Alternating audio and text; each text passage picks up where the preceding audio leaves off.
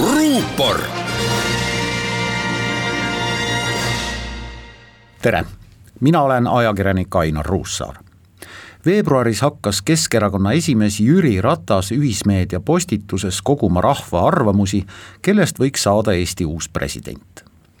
muidugi oli tegemist tipp-poliitiku igapäevaellu kohustuslikult kuuluva lasuga, sest Eestis ei vali riigipead riigi elanikud küll aga suutis parlamendi esimees korraks tõmmata endale meedia tähelepanu ja rõhutada taas Keskerakonna ammust ideed presidendi otsevalimistest kahe tuhande kuueteistkümnenda aasta presidendivalimiste eel olid maikuus teada juba mitu arvestatavat kandidaati, täna mitte.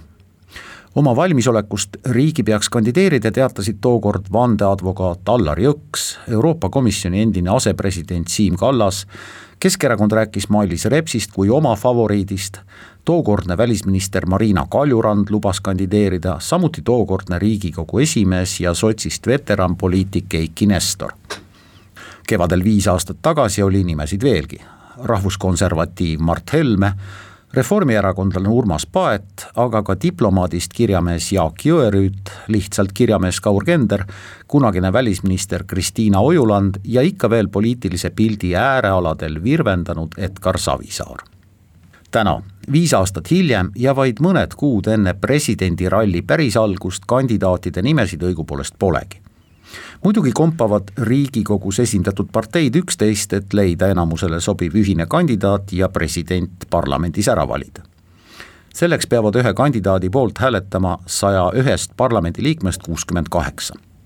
lähiajalugu on näidanud, et tegemist on vähetõenäolise missiooniga Emor uuris, keda Eesti elanikud täna presidendina eelistaksid ja pani lauale mõned võimalikud kandidaatide nimed kõige populaarsem oli Jüri Ratas, järgnesid ametis olev president Kersti Kaljulaid, akadeemik Tarmo Soomere, rahvuskonservatiiv Mart Helme ja tänane õiguskantsler Ülle Madise.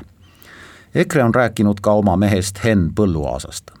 Ratas ise, olen seda ka varem öelnud, teeb kavala kassi nägu ja lubab oma kandideerimisest teada anda lähinädalate jooksul tegelikult kruvib Ratas pinget, sest tema võiks olla ilmselt ainus kõige tõenäolisem kandidaat, kes parlamendis äravalimiseks vajalikud kuuskümmend kaheksa häält kokku saaks. Ratast võivad mõned poliitikud ja võib-olla isegi parlamendiparteid toetada kas või seepärast, et tekitada Keskerakonnas segadust. seega võib tänase koalitsiooni viiskümmend üheksa häält saada vajaliku lisa opositsioonist, olgu selleks siis EKRE, Isamaa või sotsid. muidugi on igal riigipeal maailmavaade aga president ei ole Eestis aktiivne parteilane. kui Ratas saaks presidendiks, siis koguneb Keskerakonna kongress uut juhti valima. see ülesanne oleks selle partei jaoks vaata et sama keeruline kui presidendi äravalimine parlamendis keskpartei juhi tugevat kandidaati Mailis Repsi kahtlustab prokuratuur paraku omastamises.